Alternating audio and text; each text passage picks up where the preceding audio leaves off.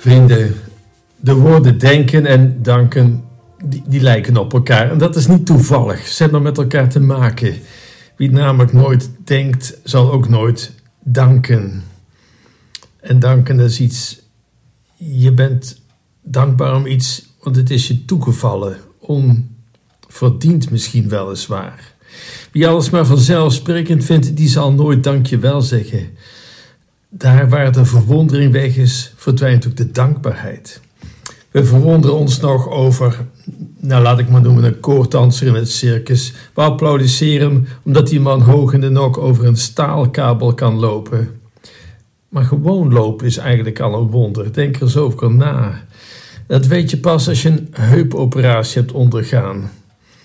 Dan ben je al dankbaar als je zelf weer naar de wastafel kunt lopen. Wanneer Jezus blinden geneest, wanneer Jezus doven laat horen of een lamme kracht in zijn benen geeft, vragen de mensen verwonderd af: wie is hij? Wie is die man toch wel dat hij zulke wonderen kan doen? Het evangelie van deze zondag. Vandaag verwondert Jezus zich over de mensen. Wanneer hij tien melaatsen geneest en er komt er maar één terug om hem te bedanken, om te danken, vraagt Jezus zich verwonderd af waar die negen anderen zijn. Zijn niet alle tien genezen van hun melaatsheid? Melaatsheid, we weten het uit vroeger dagen, het is een ellendige ziekte, heel besmettelijk bovendien. Iedereen mijt je als de pest. Melaatsheid, het isoleert je totaal van de samenleving. In onze tijd zijn er medicijnen voor, het is te genezen.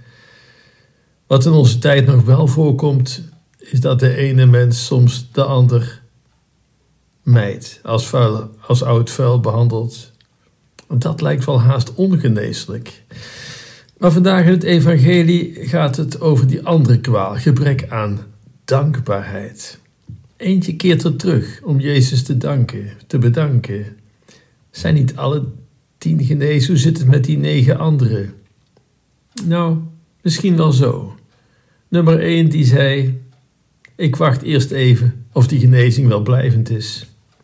En nummer twee, och, dat doen we later nog wel een keer. We hebben de tijd en zien hem nog wel een keer. En nummer drie zei misschien, och, misschien waren we wel niet zo ziek als we dachten. En nummer vier, och, het was misschien of waarschijnlijk ook wel genezen vanzelf.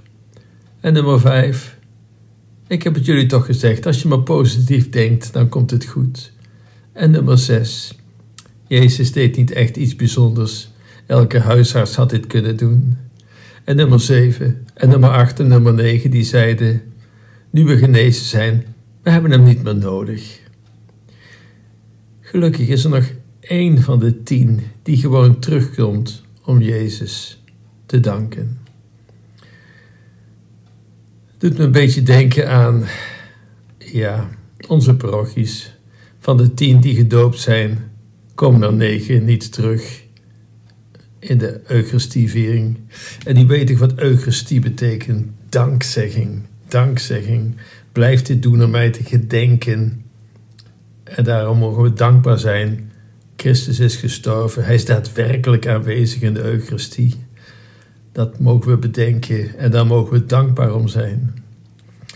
Jezus zou tegen ons kunnen zeggen: zijn hier in deze parochie niet alle gedoopten door het doopsel gereinigd en opgenomen in Gods kerk? Waar zijn dan die negen anderen? Waarom komen ze niet terug om dank te zeggen? Gelukkig één op de tien, iets minder wellicht, maar vooruit maar, die komt wel terug. En tegen hen zegt Jezus: tegen u. Blijf trouw. Blijf trouw aan je geloof. Het is zoveel waard. Het geeft kompas aan je leven. Het geeft richting aan je leven. Het, het sterkt je geloof, de hoop en de liefde. Veel dingen vinden we heel gewoon. Dat onze wieg hier stond en niet in een armoedig derde wereldland. Dat we een dak boven ons hoofd hebben, een warm nest, talenten hebben gekregen die je kunt ontplooien, gezonde kinderen, welvaart. Wij vinden het allemaal bijna vanzelfsprekend. We staan er niet bij stil dat het ons zomaar onverdiend is gegeven. Ik bedoel, waar heb je het aan verdiend dat je zorgzame ouders mocht hebben, terwijl zoveel die moeten missen als straatkinderen hun tijd maar door moeten dringen? Waar heb je het aan verdiend dat je gezonde ogen hebt, gezonde oren om te horen, voeten die je overal naartoe brengen? Bij hoeveel is dat wel anders? We nemen onze zegening aan als een vanzelfsprekend gegeven en dus vergeten we ook God dankbaar te zijn. Als de sterren slechts een paar keer per jaar te zien zouden zijn, zou iedereen s'nachts opblijven om naar ze te kijken. Maar ja, je kunt ze bijna elke avond zien, dus doet geen mens er meer moeite voor om ze te zien. En zo raak je aan de verwonderlijkste dingen gewend en dank je nergens meer voor. Kleine anekdote, u kent hem misschien. Jan gaat naar een druk restaurant en wil zojuist aan zijn maaltijd beginnen. Het is erg druk en een man vraagt of hij bij hem aan tafel mag komen zitten. Natuurlijk, zegt Jan. En dan, zoals hij altijd doet, buigt hij zijn hoofd, sluit zijn ogen om te bidden. En als hij zijn ogen opent, vraagt de man: Heeft hij hoofdpijn? Nee, zegt Jan. Is er iets niet goed met het eten? Nee hoor, ik dank de Heer altijd voor ik ga eten. Ah, ben je er zo een, zegt de man. Wil je weten waarom ik dat nooit doe? Ik verdien mijn geld door hard te werken, daar hoef ik niemand voor te bedanken. Ik ben geen gewoon te eten. En dan zegt Jan: Ja, je doet me denken aan mijn hond, die doet dat ook.